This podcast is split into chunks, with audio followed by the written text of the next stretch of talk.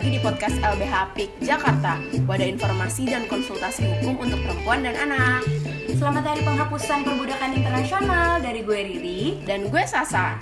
Nah Sobat Apik, meskipun sekarang ini udah nggak ada lagi ya yang namanya perbudakan Tapi sebenarnya tuh masih banyak pekerja yang rentan dieksploitasi.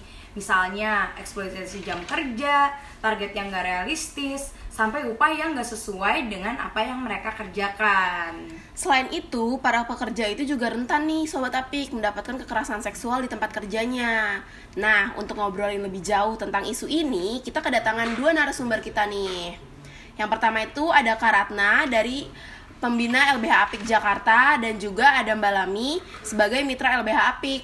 Nanti Karatna dan Mbak Lami akan berbagi eh, pengetahuan tentang kebijakan-kebijakan tentang kekerasan seksual dan juga cerita-cerita nih di tempat kerja mengenai kekerasan seksual itu sendiri.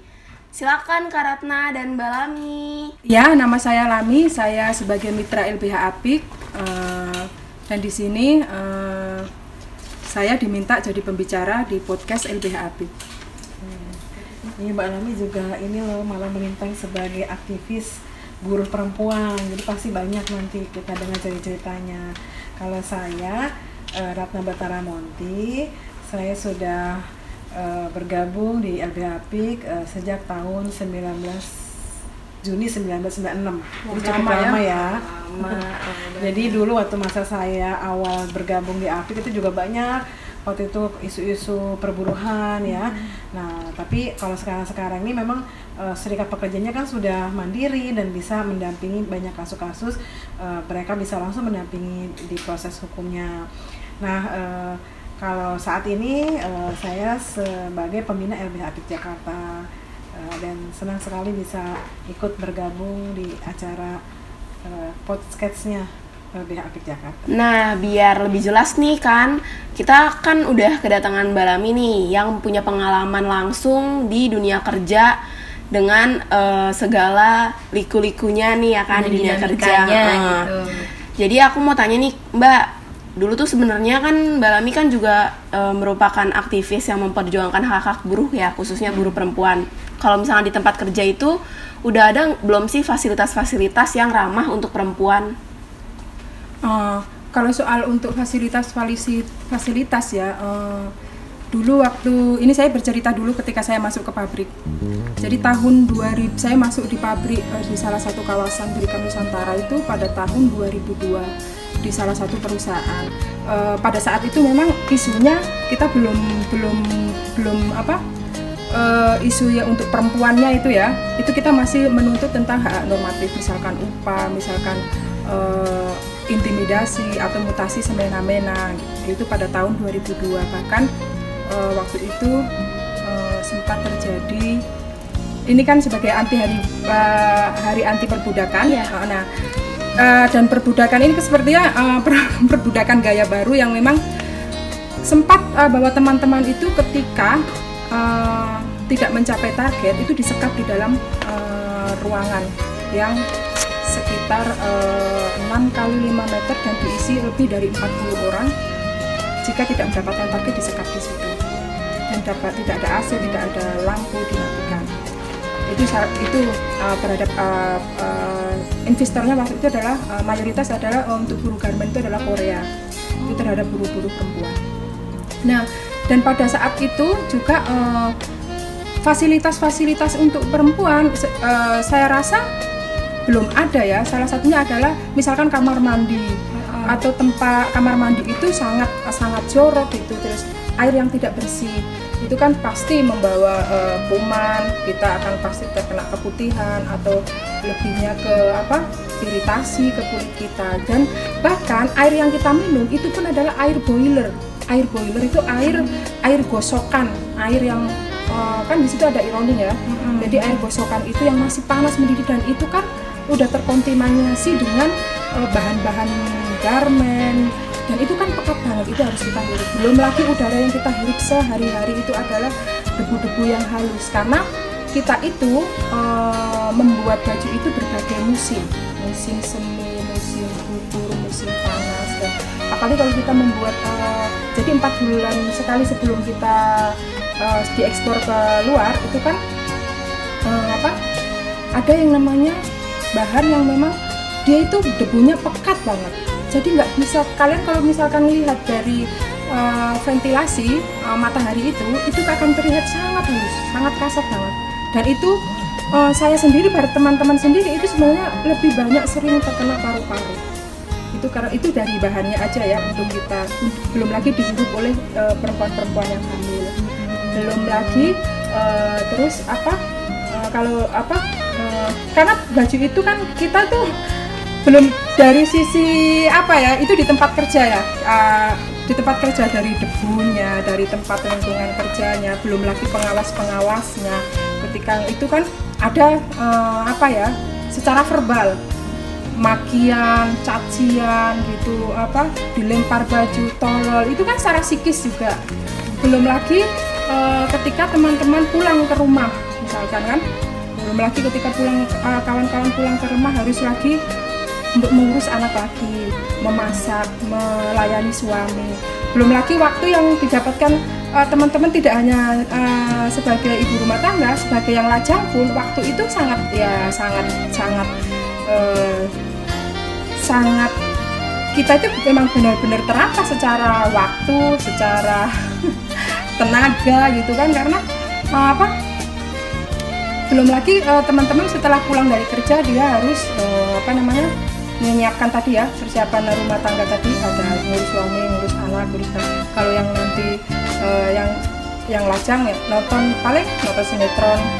Tidak ada kesempatan untuk guru bagaimana harus belajar misalkan kan, gitu. bahkan ketika kalau misalkan berorganisasi kita pun harus minta izin terhadap suami. Kita harus apa benar-benar harus meluangkan waktu itu kan. Kadang kita membawa anak kita untuk ikut berorganisasi dan uh, di luar itu teman-teman uh, sendiri dan saya sendiri sebagai guru pabrik ya saya merasa dihabiskan waktu saya di pabrik itu dengan lembur misalkan. Long shift itu kita berangkat pagi bisa pulang pagi. Berangkat pagi kita bisa pulang pagi. Dan itu kalau e, daya tahan tubuh kita nggak kita jaga ya kita ambruk di situ tapi dari dari perusahaan gitu nggak ada kompensasi untuk kesehatan? Misalnya gara-gara paru-parunya kena atau gara-gara debu atau debu yang dihirup atau pencegahan gitu nggak ada? Maskernya masker yang bagus. Itu itu tidak bisa kita jamin ya bahwa perusahaan itu tidak mau tahu soal itu. Bahkan kalau ingin tahu di perusahaan terutama adalah di garmen misalkan ini buyer datang. Buyer datang sebelum buyer datang itu di briefing dulu buruhnya di briefing dulu kamu nanti kalau ditanya tentang upah tentang apa pokoknya harus sesuai keinginan apa perusahaan itu disiapkan tisu, disiapkan minyak kayu putih, disiapkan bodrek, disiapkan sabun. Tapi ketika buyer sudah pergi, itu diambil lagi. Sebelum itu, kalau soal kesehatan, bahkan kompensasi ketika kawan kita kehilangan kuku, kehilangan jari, itu pun tidak ada kompensasi. Hanya dikasih cuti dua hari. Tidak ada kompensasi. Itu kan ada anggota tubuh kita yang hilang, gitu. itu tidak ada kompensasi. Bahkan teman-teman yang keguguran, apa karena kelelahan lembur, ya sudah, tidak berarti ada. berarti sebenarnya berarti sebenarnya belum ada peraturan-peraturan yang mengatur itu ya mbak peraturan itu sebenarnya seharusnya ada di off conductnya uh, apa itu pelecehan seksual sebenarnya ada dari buyer-buyer itu sebenarnya konsultan-konsultan menyampaikan seharusnya ada tapi kan tidak tidak semua per, uh, pabrik mem, memperlakukan itu. Hmm. karena apa? Masih dianggap bias bahwa pelecehan seksual itu lebih dari itu yang dirasakan perempuan-perempuan uh, kawasan Berikat Nusantara ya. Karena di sana adalah mayoritas adalah perempuan. Dan pelaku pelakunya itu tidak hanya teman-teman kita tidak hanya mekanik tidak hanya bagian packing bahkan sampai ke personalia ke bosnya. Karena ada relasi kuasa yang memang di situ kamu kalau misalkan tidak mau aku tidak akan perpanjang kontrakmu karena dengan sistem sekarang ini misalkan sistem sekarang sistem kontrak dan lebih parah lagi tidak hanya kalau kontrak masih bisa kan uh, kamu mau kontrak 2 tahun. Bahkan teman-teman untuk mendapatkan kontrak 2 tahun itu dia harus ini harus apa? Harus terima ketika uh, pengawas atau uh, relasi kuasa tadi dia harus ya, ya sudah lah gitu. padahal di luar uh, sistem kontrak itu ada yang namanya eh, harian lepas atau borongan. Harian lepas itu diupah lebih minim lagi di bawah gaji pokok kita. Dihitung per piece-nya baju. Satu piece itu tidak manusiawi kalau hanya dihitung cuma 500 satu piece-nya, misalkan buang benang atau apa itu kan. Itu di- udah di luar eh, apa?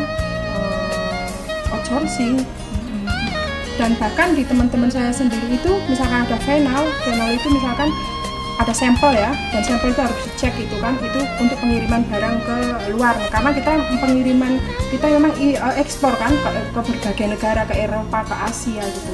Dan keuntungan yang didapat perusahaan itu nggak ecek-ecek bahkan gaji kita satu bulan pun itu tidak mampu untuk membeli jaket satu. Karena ukuran jaket itu di harga di luar negeri itu bisa jutaan dan gaji kita satu bulan tidak akan mampu untuk membeli. Tapi kalau untuk hitungan-hitungan target, kita ditarget dari se te- 30 menit untuk mendapatkan sekian jaket itu sebenarnya mampu untuk membeli. Cuma kan memang ada calo di sini. Jadi barang masuk ke garment eh, dari misalkan ah, taruhlah Amerika pemilik merek pemilik Amerika pemilik merek memberikan uh, kuasa atau kekuasaan terhadap Korea. Korea sebelum masuk uh, ke dijahit oleh dijahit oleh pabrik, nih satu piece baju aku kasih harga uh, 10 dolar. Barang belum dijahit ditaruh ke pabrik, nih aku kasih satu piece baju saya kasih 5 dolar. 5 dolar diatur atau enggak 3 dolar diatur untuk biaya listrik, biaya gaji. Mana sampai kalau misalkan kita nggak dikejar oleh target karena keuntungannya sudah dikeruk duluan sebelum baju itu dijahit. Jadi seperti itu. Makanya ketertindasan buruh perempuan di sana itu akan lebih-lebih. Bahkan untuk mencapai target teman-teman tuh nggak makan siang, dinahan kencing, nahan segala macam. Maksudnya nahan lapar, nahan berak, nahan kencing karena harus untuk mencapai target. Kalau target kurang dianggap ngutang. Besoknya lagi dia dapat utang sekian dicapai.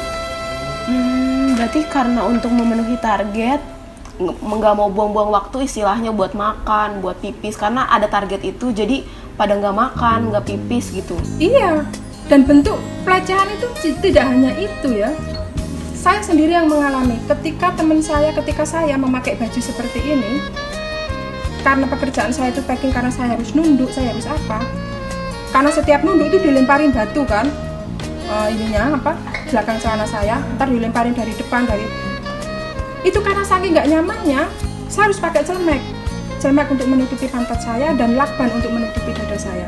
Dan itu tidak hanya saya, teman-teman yang lain pun juga begitu. Itu berarti kan ada rasa tidak nyaman yang kita rasakan. Siapa itu yang yang paling Itu teman-teman kita, teman-teman pekerja yang laki-laki bagian finishing. Lah, kalau mekanik, mekanik itu benerin mesin, tapi dia melongoknya ke sini, kadang buka sini, kadang ngeraba ke- ke ke iya ke paha. Bahkan saya disuruh naik gitu kan ke ke tangga. Setelah itu nanti pantat saya diremes kayak gini, diremes. Dan sedangkan saya pasti marah ya. Tapi ketika marah dianggapnya kamu kawan yang nggak bisa diajak bercanda, kamu kawan yang nggak bisa. Kita selalu dianggap Ini sesama posisi dari pekerjaan laki-laki. Mm-mm, dianggap temen yang bisa Nah. Kalau yang kayak supervisinya, supervisornya lebih parah dia lewat SMS eh, kamu ya digoda-goda gitu kan goda-goda cabul lah nanti bisa diajak jalan bisa diajak apa kamu kalau mau nanti aku perpanjang kontrak kamu kalau aku ajak ngedet aku ajak kencan itu sangat ya karena teman-temanku tuh misalkan final itu tadi yang saya ceritakan bahwa ada sampel yang harus dikerjakan itu yang cantik-cantik itu yang cantik-cantik itu disuruh ke atas. Disuruh men- menungguin buyer. Suruh nungguin diajak bercanda ya kan itu bisa dilakukan. Nanti setelah itu ke, diajak ke ke karaoke untuk dihasilkan. dan saya melihat posisi di buruh perempuan ini karena bergantung pada penghidupan. Kita tidak tidak bisa eh, apa pun yang dilakukan oleh eh, eh, supervisor atau personali atau teman itu sangat tidak dibenarkan. Sangat ya kita sangat tidak terima. Tapi ketika ada yang bilang bahwa ya perempuannya kan yang mau ya aku juga nggak bisa terima. Karena mau tidak mau yang namanya hidup di Jakarta ngontrak kita kan? Mau yang ngajang atau maupun yang eh, sudah berkeluarga kalaupun seandainya dia punya rumah dia nggak butuh untuk biaya kredit rumah? Untuk kontrakan dia belum lagi biaya untuk susu biaya untuk apa? Ngurusin anaknya dan lain-lain. Berarti sebenarnya pelakunya sendiri bisa datang dari siapa aja ya, termasuk teman kerja sendiri. teman kerja mekanik em, supervisor pengawas. Itu rentan justru itu malah pelaku pelaku yang memang Kalau lihat dari ceritanya Mbak Lami itu setidaknya eh, minimal ada tiga ya bentuk KS ya. Nah, Jadi ada pelecehan seksualnya, ada eksploitasi seksual. Karena iya. itu bisa berkali-kali karena tadi ada relasi kuasa gitu ya. Misalnya supervisornya yang eh, tadi melakukan eh, apa namanya ancaman gitu kan sehingga eh, korban atau perempuan guru perempuan ini selalu berada di dalam kontrol ya untuk bisa terus memberikan perhatian yang sebenarnya dia tidak inginkan tapi itu karena kondisi tadi ada relasi kekuasaan ya supervisor yang minta. Atau tadi itu dia disuruh untuk memberikan apa namanya katakanlah eh, kenyamanan ya buat buyer gitu kan supaya diajak ke tadi tempat karaoke. Nah itu kalau itu berlangsung berkali-kali itu sebenarnya sudah eksploitasi eksploitasi seksual ya eh, dan apalagi itu antara korban dengan pelakunya tadi itu ya di dalam satu lagi tadi juga ada percobaan. Walaupun kita memang eh, di penelitian ini belum ada laporan ya untuk perkosaannya.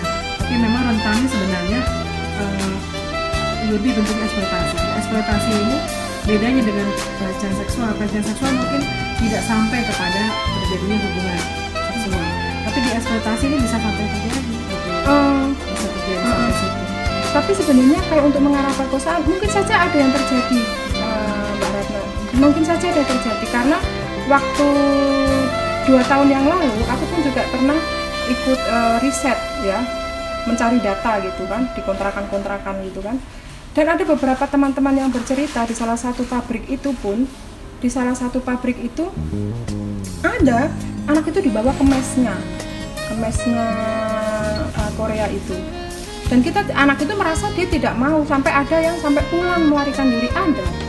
Cuma kan masih bias mbak. Nggak ada yang berani untuk uh, bercerita. Nggak ada yang berani untuk melapor.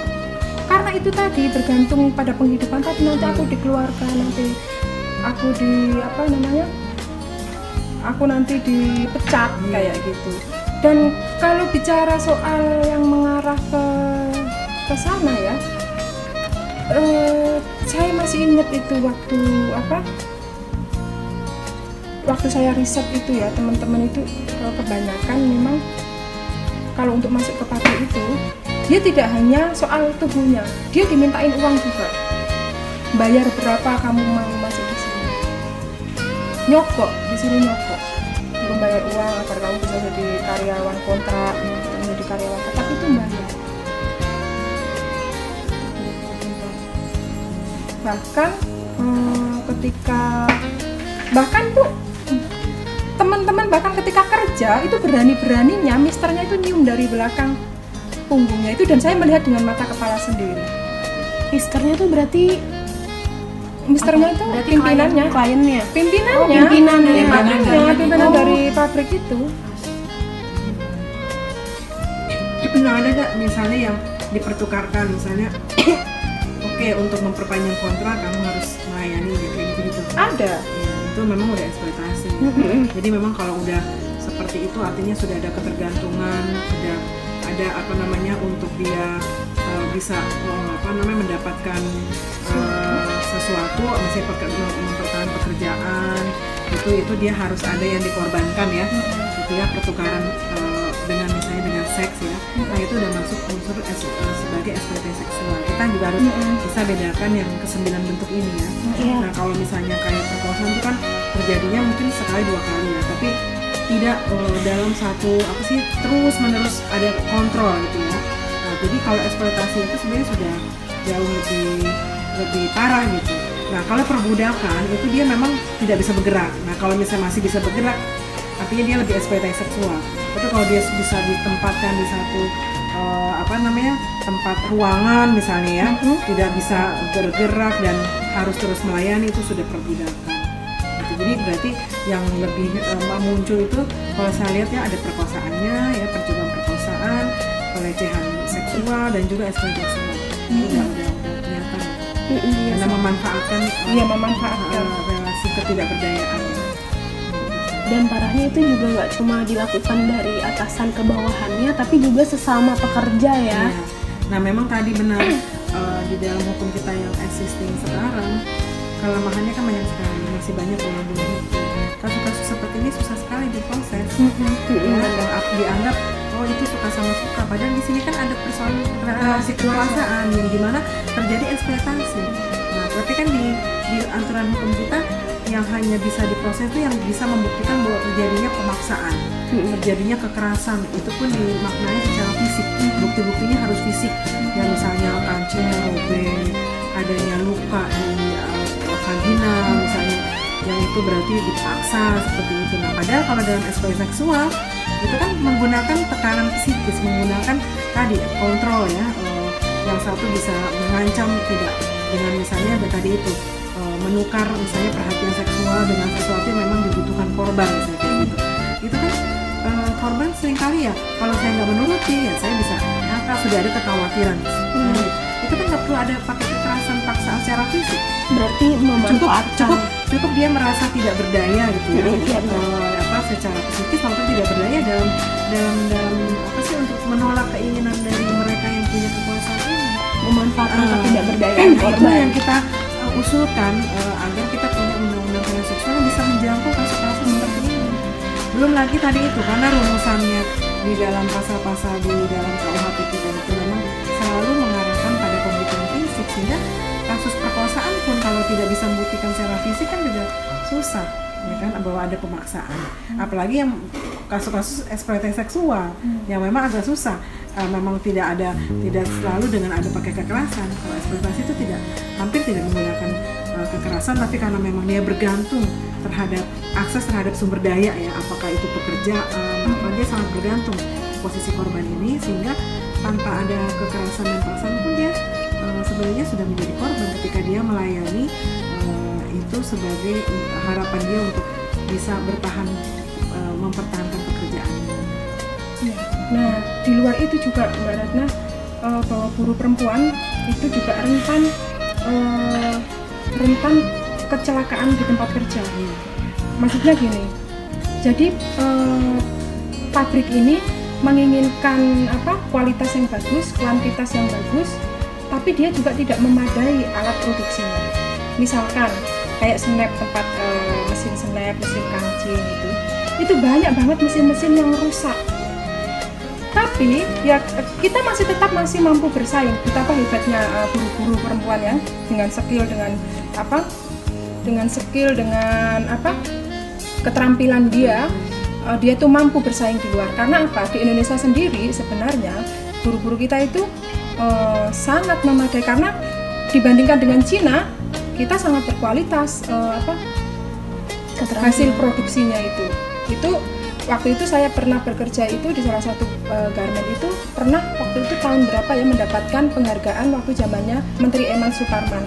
Itu mencapai kuota terbesar lah karena tapi tapi perusahaan ini tidak menyadari gitu. Ketika kita mencapai target akhirnya pabrik itu beranak pinak di daerah-daerah dia buka cabang ke mana-mana. Dan hingga pada akhirnya eh, akhirnya dia pada tahun 2012-2014 itu tutup alasannya bangkrut itu kan itu sangat tidak mungkin padahal dia relokasi kan? Ke negara lain. kan bisa ke negara lain bisa ke daerah karena daerah kan lebih murah Iya, dibandingkan murah. DKI dan alat-alat produksinya itu masih ecek-ecek. Misalkan kayak tadi yang saya ceritakan senat tadi. Dipakai seminggu bagus. Entah dibenerin mekanik rusak dibenerin mekanik ya. Dipakai lagi seminggu. Hampir setiap minggu teman-teman kita tuh kehilangan jari kehilangan jari. Tiba-tiba kita lagi kerja lem- lembur gitu ya. Ada yang teriak di sana kena jari. Nanti kita lagi lagi kerja teriak di sana. Ada yang kena snap ada yang kena kancing ada yang keguguran ada yang kesurupan. Itu kan karena kelelahan juga kan karena lembur karena apa. Dan itu hanya dikasih iya. kerja tuh luar biasa. Iya, tidak hanya di tidak hanya seksual gitu, psikis kita, tubuh kita, fisik kita gitu. Rentan kan, rentan eh, kecelakaan di tempat kerja, pelecehan di tempat kerja gitu kan. Nah, tapi ketika perusahaan sudah punya apa cabang ke sana ke sini ke sana kita masih susah juga belum lagi hak normatif kita lembur kita nggak dibayar upah kita nggak dibayar itu udah perbudakan. Oke, tadi Mbak Lami udah cerita lumayan banyak ya tentang kondisi di tempat kerjanya dan eh, kekerasan-kekerasan yang eh, baik seksual maupun psikis juga yang didapatkan oleh buruh-buruh perempuan di sana gitu. Terus tadi aku juga sempat eh, nangkep sih secara implisit gitu kan, berarti eh, pelaku-pelaku kekerasan seksual di tempat kerja itu sama sekali nggak mendapatkan konsekuensi dari atas apa yang mereka lakukan ya Mbak? nggak ada nggak ada karena nggak adanya karena juga teman-teman nggak berani juga untuk mengadu itu satu adalah keberanian teman-teman untuk tidak berani mengadu berarti kalau misalkan nih mau dikasih kayak satu harapan nih dari Mbak Lami sendiri, kira-kira fasilitas apa aja sih yang sebenarnya memang dibutuhkan buruh perempuan di eh, tempat kerja? Oh, harapannya sebenarnya banyak sekali ya. Eh, apa? Eh, salah satunya adalah eh, untuk guru-guru perempuannya sendiri harapannya adalah sebenarnya kita harus saling menguatkan itu. Karena ketika, ketika kita rentan eh, karena pemahaman teman-teman sendiri itu ketika teman satu eh, yang satunya misalkan mendapat pelecehan atau mendapat ajakan dari supervisor itu masih dia berpikir bahwa ah masih menyalahkan sebagai korban itu tadi. Kalau harapan saya eh, sebenarnya kalau untuk fasilitas adalah penanganan hukumnya juga gitu. Terus apa di pabriknya sendiri ada peringatan-peringatan gitu eh, bebas pelecehan seksual atau misalkan sanksi-sanksi terhadap pelaku dan setelah di luar itu juga bahwa buruh perempuan yang sebenarnya butuh juga misalkan kayak ruang-ruang laktasi atau tempat-tempat penitipan anak sebenarnya tidak hanya di perusahaan sih negara pun sebenarnya ikut terlibat juga di apa Iya. untuk eh, fasilitas buruh perempuan, perlindungan juga terhadap buruh perempuan. Aksesnya lebih mudah lah untuk tempat mengadu gitu, entah posko, entah apa namanya, eh, perlindungan secara hukumnya juga, perempuan itu kan double Ya ada burden ya. ada beban ganda yang kita apa kita rasa lah, kita hadapi gitu kan di luar pekerjaan ada rumah tangga, ada eh, di masyarakat kita sendiri, di tempat kerja, di dalam rumah tangga. Nah, kita udah eh, ngedenger juga ya tadi cerita dari Mbak Rani tentang eksploitasi-eksploitasi yang dialami oleh pekerja selama eh, bekerja di pabrik ya. Bukan cuma seksual, tapi juga yang lain. Dan sekarang kita bakal lanjut obrolannya ke Karatna. Kalau Karatna ini kan lebih dari sisi eh, penegak hukumnya ya kak ya. Nah, kita nih mau nanya, sebenarnya tuh tantangan yang ditemui waktu menangani kasus kekerasan seksual di tempat kerja itu apa sih kak? tantangan yang ditemui dalam menangani kasus kekerasan seksual di tempat kerja tadi sudah disinggung ya itu kita eh, pertama adalah korban yang tidak mudah untuk melaporkan. Itu yang paling jadi hambatan ya. Karena kan tadi ya eh, dia menjadi korban dalam suatu wilayah kerja di mana dia posisinya itu sangat-sangat rentan. Rentan dalam arti bukan saya sebagai perempuan ya tetapi juga sebagai pekerja yang eh, dia itu sangat bergantung ya untuk bisa eh, tetap eh, bekerja dengan baik tetap bisa mendapatkan eh, upah dia tuh tadi ada kebutuhan untuk penghidupan menghidupi keluarganya gitu ya. Dia tulang punggung keluarganya. Eh, jadi eh, sangat eh, berkepentingan untuk mempertahankan pekerja pekerjaan tersebut. Nah sehingga eh, dia menjadi dua kali lebih rentan ya eh, kalau apa-apa ketika mendapatkan kekerasan seksual. Eh, sehingga juga eh, dengan kondisinya seperti itu dia tidak mudah untuk eh, berani ya untuk me- melaporkan eh, apa yang dia eh, terima ya perlakuan yang eh, apa namanya sebenarnya sudah eh, melanggar eh, apa namanya harkat martabat juga ya eh, sangat merugikan eh, korban ya. Nah, pasti akan korban mengalami trauma ya eh, karena sudah dilecehkan gitu. Dan itu jelas memang sudah sudah kriminal kan harusnya memang dilaporkan tapi itu ya tidak mudah. Yang kedua tentu saja kita kalau tidak mudah kalau tidak ada yang melaporkan kita tidak bisa juga menyeret pelakunya ke meja hijau gitu ya. Jadi eh, sehingga terjadi impunitas. Eh, pelaku tuh jadi bebas berkeliaran terus menerus bisa mengulangi perbuatannya.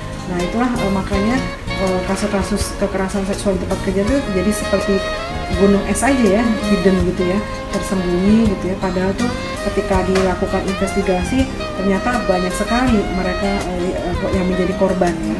Nah itu tantangan yang terberat itu sih sebenarnya bagaimana kita sebenarnya harus menguatkan korban dan memang harus ada upaya-upaya pencegahan dan mekanisme ketika terjadi kekerasan apa yang mesti disiapkan oleh perusahaan. Nah itu yang nanti eh, kita akan ya, bertanya selanjutnya. Oh iya, pertanyaan selanjutnya udah lihat list questionnya tadi ya kayak. Nah, eh, terus pertanyaan selanjutnya ini kan tadi eh, kakak udah sempat nyinggung juga ya tentang RUU PKS gitu kan, tapi sayangnya itu sampai sekarang belum disahkan. Gitu. Nah, bisa dijelaskan nggak kak sebenarnya gimana RUU PKS itu bisa melindungi korban-korban kekerasan seksual di tempat kerja nih, seperti kasus-kasusnya Mbak Lani tadi. Iya. Jadi eh, RUU penghapusan kekerasan seksual itu kan diajukan ke DPR itu pada awal dua, tahun 2017. Harusnya sudah dibahas, tapi eh, periode yang lalu ya, karena itu kan periode yang lalu DPR yang lalu. Sekarang kan sudah DPR baru ya. Eh, di DPR yang lalu itu jangankan disahkan, dibahas pun tuh belum. Baru masuk pembahasan itu baru judul, itu pun belum ketok palu judulnya yang disepakati apa. Nah, sehingga eh, itu eh, kita usulkan lagi eh, untuk dibahas di periode DPR yang baru ini ya, yang di akhir 2019 dan eh, kemarin kita tanggal 12 November ke Badan Legislasi DPR karena mereka yang nanti akan menggodok mana eh, RUU yang diprioritaskan untuk dibahas di 2020 dan mana saja RUU yang menjadi PR di lima periode eh, DPR yang baru ini.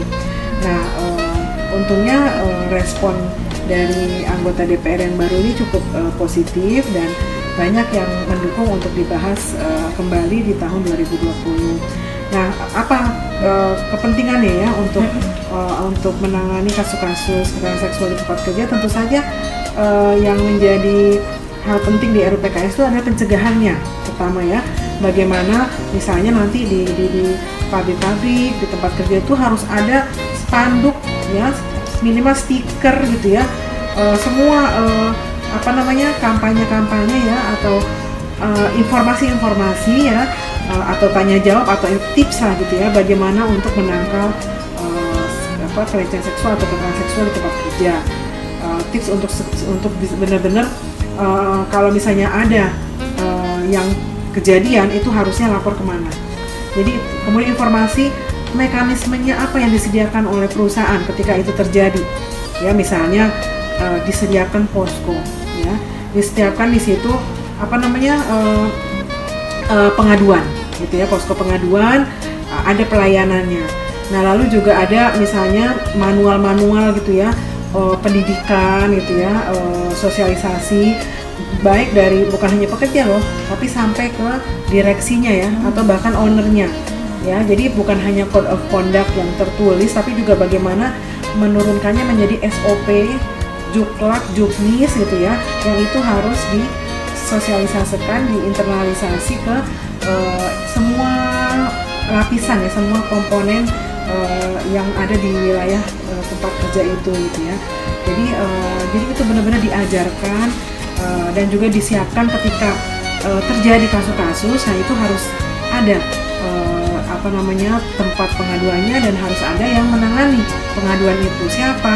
Ya perusahaan harus menyiapkan misalnya psikolog ya bagaimana memulihkan bagaimana juga memberikan sanksi yang tegas bagi pelakunya gitu ya.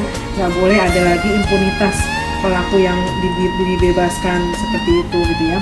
Dan eh, apa namanya juga bisa sampai di eh, seret ke meja hijau karena memang itu hak korban ya untuk mendapatkan akses keadilan gitu ya. Apa- apabila kasus-kasusnya memang sudah tidak bisa lagi dimaafkan oleh korban gitu kan Eh, walaupun sebenarnya kasus-kasus yang pelecehan seksual itu sebenarnya memang bukan delik aduan loh itu kan delik biasa. Nah tapi sering kali eh, apa perusahaan itu kadangkala menganggap itu sebagai wilayah rumah tangga gitu ya. Eh, nggak mau di- terbongkar gitu ya keluar. nah makanya mereka nyelesain sendiri. Kalau mereka menyelesaikan sendiri pertama memang jelas itu eh, harus ada kesepakatan dari korban. Korban berhak untuk melaporkan kasusnya ke, ke ranah hukum gitu ya. Eh, jadi nggak boleh perusahaan itu membatasi. Kalau misalnya memang korban ingin memproses kasusnya gitu ya tapi eh, yang penting tetap aja sanksi dari perusahaan itu harus ada kepada pelaku. Mulai dari di, dipecat atau di apa namanya banyak lah sanksi-sanksi yang sesuai dengan per- tingkat perbuatannya. Tapi intinya harus ada mekanisme penyelesaian. Mekanisme untuk pemulihan gitu ya, mekanisme untuk pencegahan dan pendidikan uh, terkait dengan uh, soal kekerasan terhadap perempuan ini ya, khususnya karena seksual nah itu semua di ada uh, bab-babnya ya. Soal pencegahan, pemulihan, penanganan. Itu ada di dalam RUPKS. Jadi nanti ketika itu uh, apa namanya disahkan itu semua harus terlibat. Uh, apa sampai juga di level tempat kerja itu semua harus menjalani. dan berarti memang harus di itu kan ya kak? Harus ada sosialisasinya tuh bukan cuma yang di bagian atas saja tapi sampai ke bawah. Jadi mereka semua punya uh, perspektif yang bagus tentang kekerasan seksual itu Iya. seperti apa dan juga harus tegas gitu um, implementasi dari konsekuensinya Iya, jadi nggak bisa gitu ya. lagi misalnya nih ada kasus-kasus eh, misalnya yang guru perempuan dilecehkan oleh rekan eh, kerjanya, lalu yang lainnya hanya menyaksikan, diam saja, pura-pura nggak tahu, nggak bisa begitu. Jadi ka- siapa pun harus wajib ya melaporkan ya bila terjadi kasus-kasus seperti itu, karena itu sekali lagi sebenarnya bukan delik aduan. Jadi kita bisa melaporkan kalau teman kita kita lihat teman kita melakukan di apa dilakukan sewenang-wenang ya dilecehkan seperti itu ya kita juga berhak melaporkan sebagai yang menjadi saksi gitu ya yang mengetahui. Wah, berat ya, berarti banyak ya PR-nya ya kayak Iya. untuk RUU Ya intinya ini. kita itu harus eh, zona toleransi ya terhadap kekerasan. Jadi kita nggak bisa lagi menolerir kita anggap ah kan cuman cuman colek-colek gitu. Kok marah? Kamu galak sih. Kita nggak bisa begitu. Jadi kita jangan biarkan eh, siapa pun yang melakukan pelecehan seksual terhadap diri kita maupun terhadap teman-teman kita. Nah, tadi kita udah dapat penjelasan yang banyak banget dari Kak Ratna tentang eh, kebijakan apa yang bisa melindungi dan gimana perusahaan dan kita semua itu bisa kerjasama untuk menurunkan angka kekerasan yang ada di guru perempuan dan juga menciptakan lingkungan yang eh, lebih ramah ya kayak untuk guru-guru perempuan untuk meningkatkan kesejahteraannya juga. Nah ini mungkin pertanyaan yang terakhir ya kak Eh, dan ini pertanyaan buat Mbak Lami juga sebenarnya itu yang bisa kita lakukan kalau ada teman-teman kerja kita yang mengalami kekerasan seksual atau kekerasan apa pun itu langkah-langkah yang kita sendiri bisa ambil tuh apa aja ya kak? sebenarnya sih eh, kita lebih ada empati ya terhadap kawan sendiri maksudnya di, di tempat kerja atau di luar tempat kerja. Salah satunya adalah mungkin eh, mengajak kawan untuk menyadari apa eh, apa apa sih hak-haknya. itu terus ketika kamu dilecehkan tuh apa yang kamu rasakan gitu. Terus eh, lebih ke terhadap lebih saling menguatkan gitu. Mengu- menguatkan terus mengajak menggiring ini agar lebih berdaya gitu. Kita nggak bisa diginikan terus gitu. Dari eh, pelecehannya juga terus hak hak kita terus kesejahteraan kita bekerja gitu. Sebenarnya saling menguatkan saling menguatkan saling mengingatkan gitu. Yang jelas adalah eh, ya itulah. Apa? Belas kasih kita juga terhadap yang lain terhadap sesama buruh gitu yang bisa eh, menghantarkan ke teman-teman kita eh, ketika mendapatkan masalah itu oh ini loh ada jalurnya kita ngadu ke posko atau kita ada perlindungan hukumnya kok gitu atau kita bisa mengadu ke perusahaan atau kita bisa mengadu ke serikatnya untuk meminta eh, di perusahaan atau di pabrik-pabrik itu ada peringatan-peringatan terhadap teman-teman kita bahwa pelecehan seksual itu tidak dibolehkan seperti itu sih. Menurut saya tadi saya ingin menambahkan soal kebijakan ya. Jadi bukan hanya kebijakan yang terkait per- perlindungan dan penanganan kasus kekerasan seksualnya, tapi juga soal bagaimana menghapus eksploitasi kerja, bagaimana bisa menyediakan fasilitas dan ruang kerja atau tempat kerja yang nyaman. Karena itu saling terkait. Ketika pekerja itu bekerja eh, dieksploitasi, sangat rentan terjadi apa namanya eh, risiko-risiko pekerjaan dan eh, begitu kerjanya begitu eh, eksploitatif gitu ya. Jadi sampai terjadi misalnya eh, pelukaan atau bahkan tangan yang apa terpotong kukunya dan seterusnya. Itu kan juga akan memancing resiko-resiko yang lain. Misalnya jadi akhirnya mudah emosi lalu juga kecenderungan apa apa pelaku-pelaku yang akhirnya juga melampiaskan dengan melakukan apa kekerasan seksual. Karena itu dua hal ya. Uh, artinya memang uh, budaya masyarakat kita kan masih patriarki. Ba- Banyak uh, apa namanya uh, nilai-nilai yang mendorong uh, pelaku itu uh, apa mereka akhirnya menjadi pelaku gitu ya. Yaitu nilai-nilai yang uh, tidak setara, nilai-nilai yang merendahkan perempuan, nilai-nilai yang menjadikan perempuan sebagai komoditi atau objek seksual. Ditambah lagi dengan situasi kerja yang tidak mencegah itu gitu, malah mendorong ke arah situ yaitu apa ruang kerja yang uh, benar-benar apa namanya tuh uh, tidak nyaman, tidak ada privasi gitu ya, uh, yang kemudian uh, tidak ada perlindungan terhadap uh, perempuan ya. Uh, misalkan tadi itu ya, misalkan uh, apakah supervisornya atau pekerja laki-laki yang menggunakan berbagai kesempatan misalnya untuk melecehkan perempuan. Nah, itu kan harusnya selain juga eh, dari segi fasilitas kerja, kenyamanan kerja, itu juga sama pentingnya itu juga pendidikan terhadap yang eh, laki-laki perempuan ya, Eh, terutama yang kaum laki-laki ini untuk lebih menghargai perempuan sehingga apa pun situasinya dia harusnya ya tidak memberi men- apa mengambil kesempatan dan kesempitan seperti itu. Nah, itu semua harus diatasi oleh perusahaan dan terutama negara harus hadir. Negara tidak bisa membiarkan warga negaranya begitu saja dieksploitasi untuk kepentingan investasi luar negeri, investasi apa eh, mungkin modal gitu ya untuk mendapatkan apa namanya keuntungan sebesar-besarnya ya untuk untuk uh, investasi dari dari penghasilan uh, maksudnya dari apa perusahaan itu ya jualan apa uh, produk uh, di di untuk itu kan untuk diekspor kan, ya kan? jadi sebesar-besarnya ekspor supaya dapat uh, apa keuntungan gitu dengan mengorbankan warga negara yang nggak bisa untuk itu. Jadi nggak jangan biarkan swasta perusahaan itu uh, apa namanya berjalan tanpa ada intervensi negara. Kan negara itu eh, ke tanggung jawabnya pemerintah itu melindungi rakyatnya. Nah, dari cerita-cerita bet- betapa rentannya buruh perempuan dieksploitasi fisik, psikis, seksualnya itu menunjukkan negara itu tidak hadir. Nah, itu kita harus gugat kalau misalnya seperti ini bukan hanya secara satu persatu tapi kita bisa class action ya karena sudah banyak kasus-kasus seperti ini dan kita bisa menuntut negara mana nih perlindungannya gitu ya.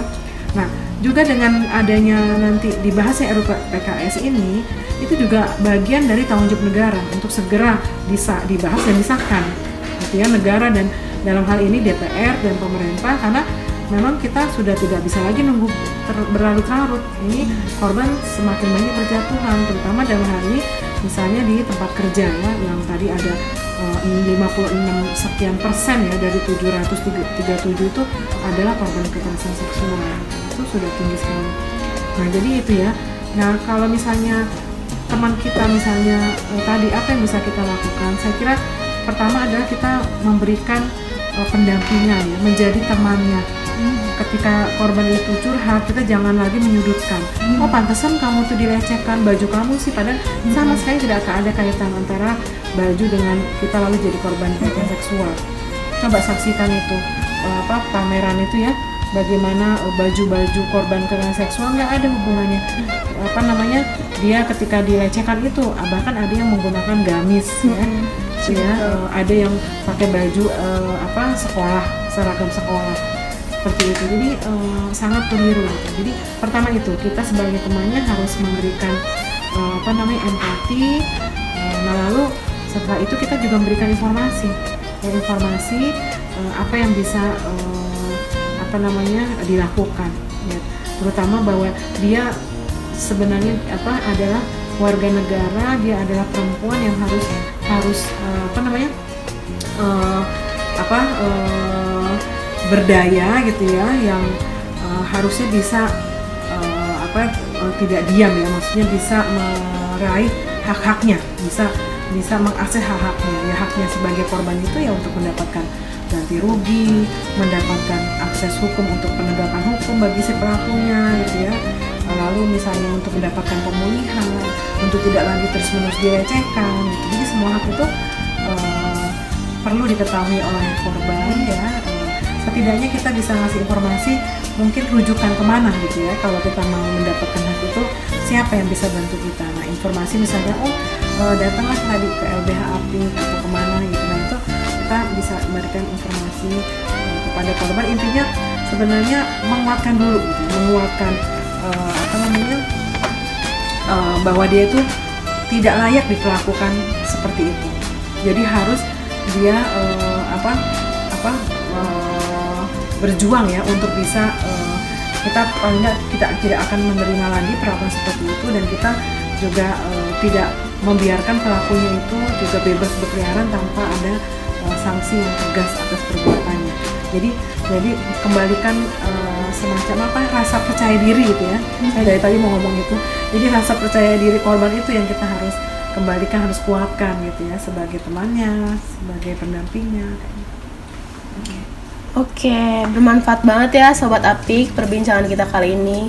Karena memang ini adalah sebenarnya hal-hal dasar, hal-hal yang memang harus diketahui buruh-buruh perempuan ya Khususnya mengenai hak mereka atas rasa aman, atas rasa nyaman, dan atas eh, hak-hak dasar mereka sebagai manusia itu sendiri gitu ya Ria. Bener. Dan kita juga mau ngucapin banyak terima kasih untuk narasumber kita hari ini, informatif banget, sangat-sangat memberi kita perspektif ya Sobat Apik, apalagi eh, buat kita yang mungkin belum pernah mendengar tentang pengalaman-pengalaman pekerja gitu selama ini, bagaimana eksploitasinya. Kita bisa mendapat banyak ilmu hari ini. Terima kasih banyak buat Kak Ratna, makasih banyak buat Iya. Kak Lami. Terima kasih juga buat Sasa sama Riri yang sudah menjadi apa ya namanya Jadi host Kak. menjadi host yang sangat semangat. Iya. Oke Oke. Nah, akhirnya kita sampai juga di ujung podcast kali ini. Jangan lupa sobat tapi kita masih tetap nunggu masukan, saran, kritik atau kalau mau say hi juga boleh untuk kita evaluasi podcast selanjutnya. Silakan kalau ada kirim masukan ke Instagram @lbhapik.jakarta. Nah, dan untuk sobat Apik nih yang masih penasaran minggu depan kita mau bahas apa, tetap stay tune ya di podcast kita. Wujudkan keadilan perempuan dan anak, Jangan diam, lindungi korban.